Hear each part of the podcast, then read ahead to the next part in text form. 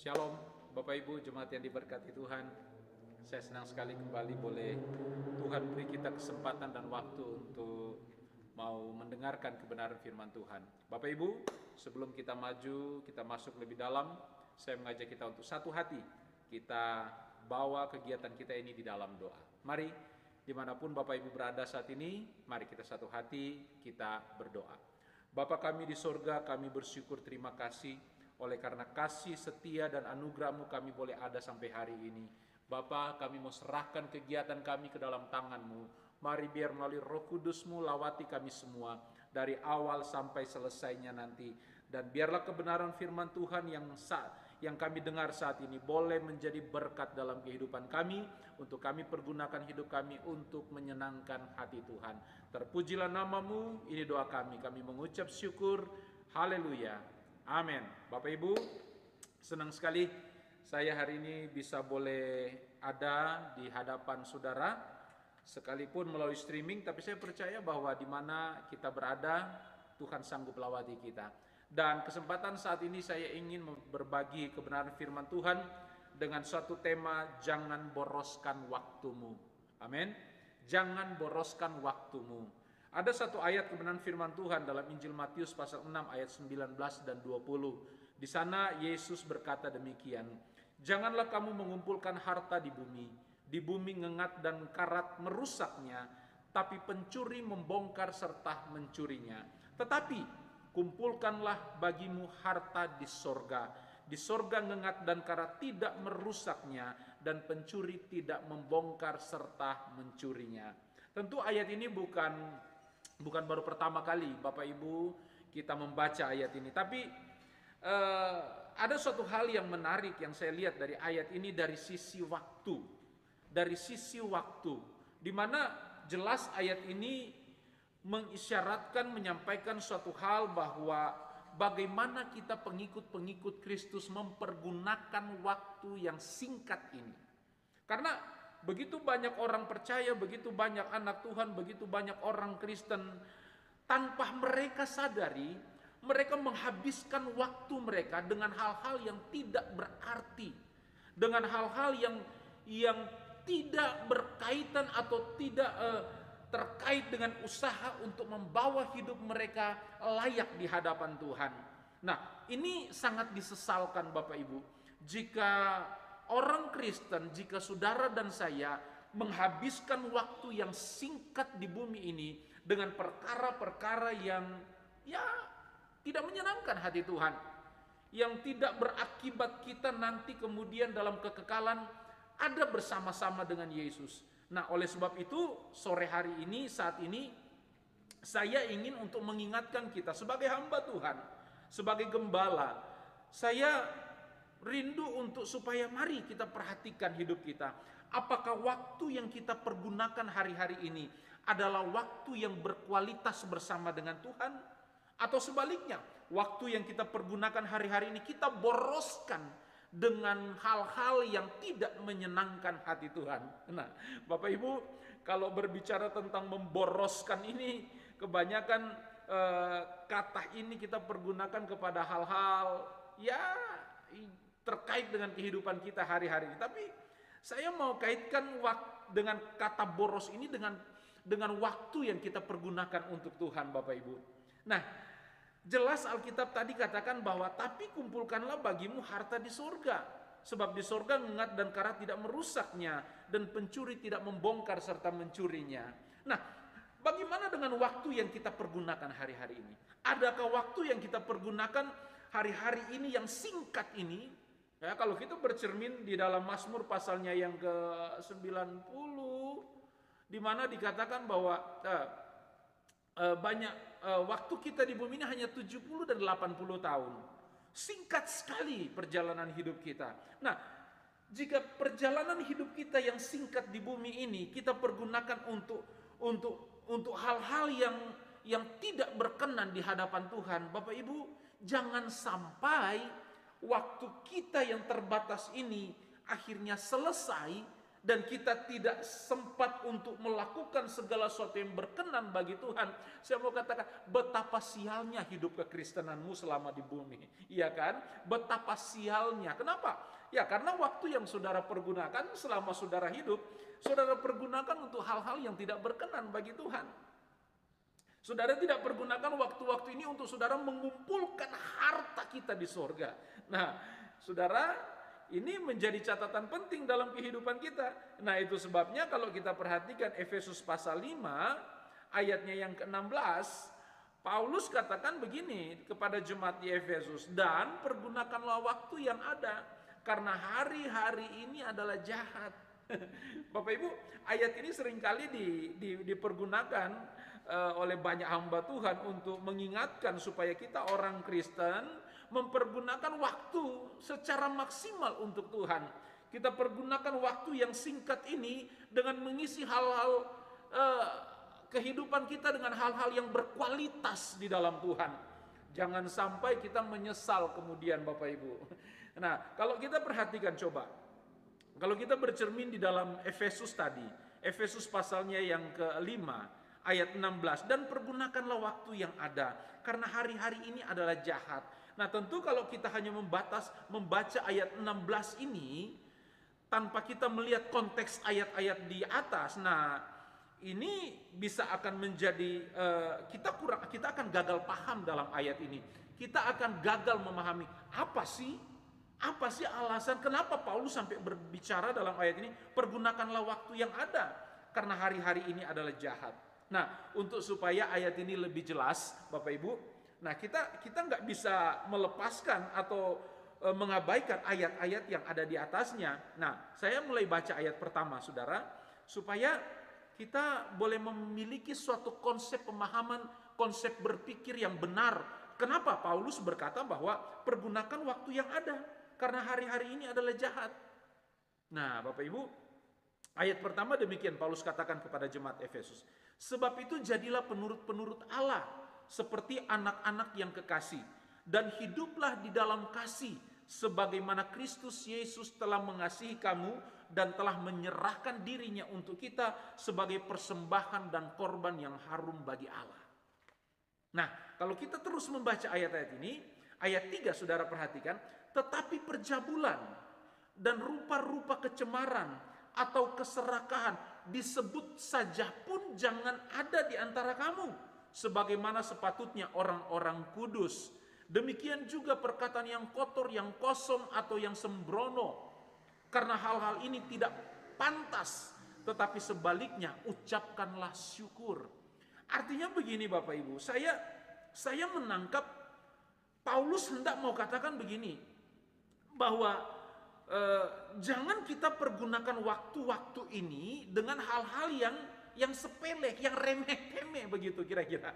Yang tidak berkenan di hadapan Tuhan. Karena betapa banyak orang Kristen mempergunakan waktu-waktu hidupnya dengan hal-hal yang yang tidak berkualitas di hadapan Tuhan dengan ngerumpi ya kan kalau kita kita kaitkan dengan ayat ini ayatnya yang keempat demikian juga dengan perkataan kotor yang kosong atau yang sembrono hal-hal ini tidak pantas nah Paulus mengkaitkan hal-hal e, perkataan kotor, kosong, sembrono dengan hari-hari yang jahat.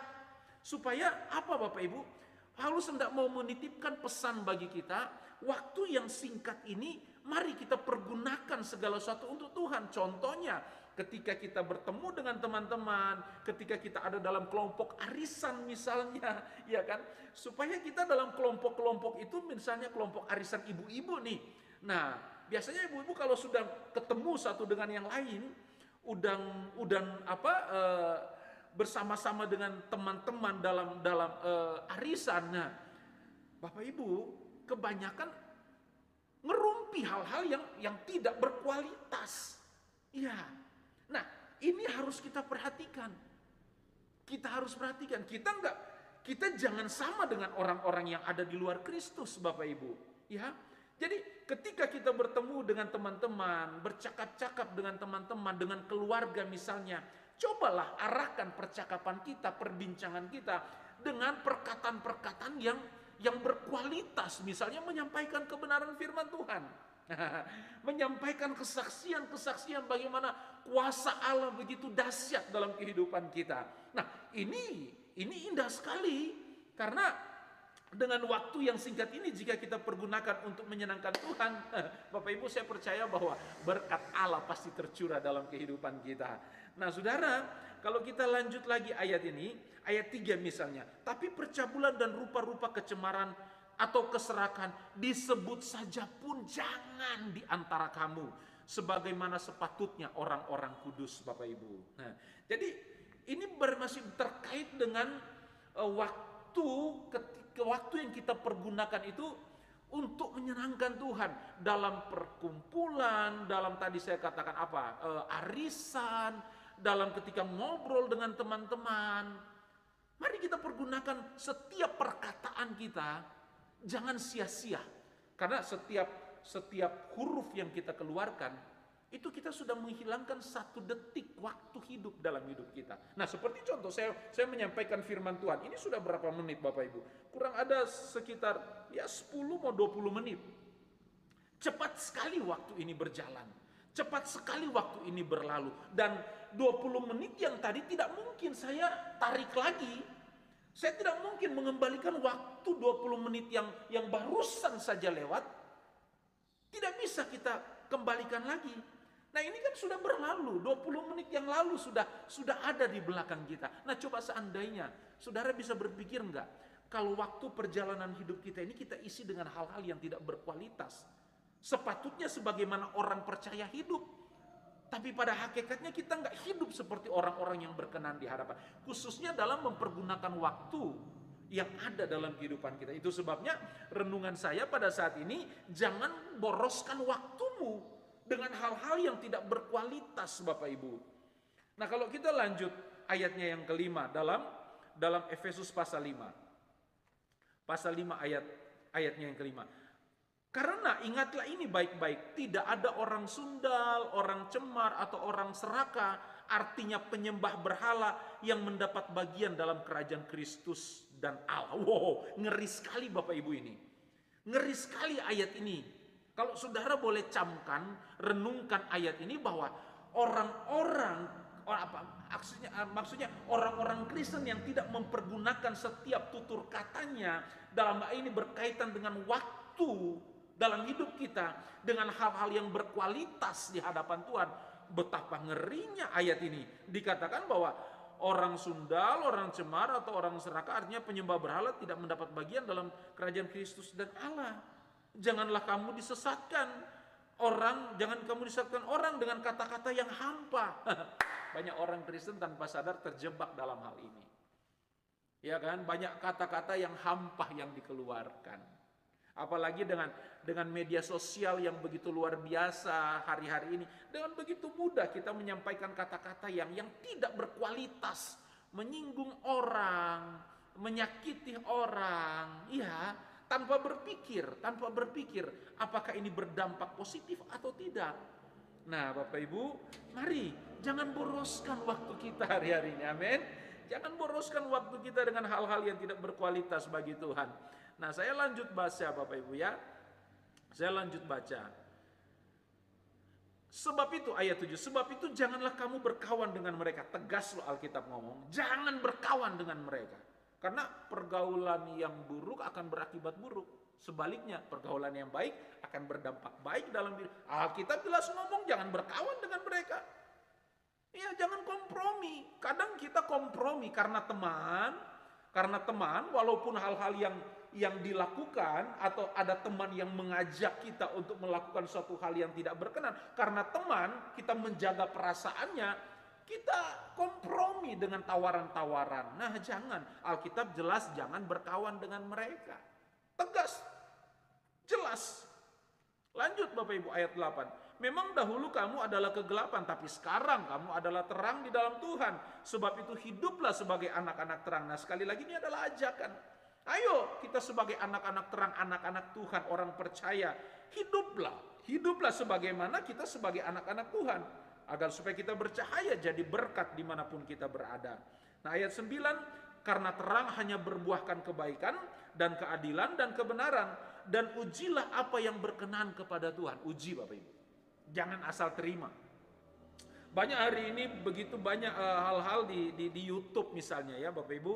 Uh, kita dengan mudah men, men, apa, mendapatkan informasi, boleh mendengar khotbah dari begitu banyak hamba Tuhan yang begitu luar biasa di YouTube hari-hari ini. Tapi hati-hati, hati-hati Begitu banyak juga pengajaran-pengajaran yang tidak alkitabiah. Di sini kalau kita tidak memiliki pemahaman yang benar tentang firman, maka akan dengan mudah kita terjerumus kepada hal yang tidak berkenan di hadapan Tuhan atau kita sudah terjerumus kepada pengajaran-pengajaran yang menyesatkan dalam hidup kita.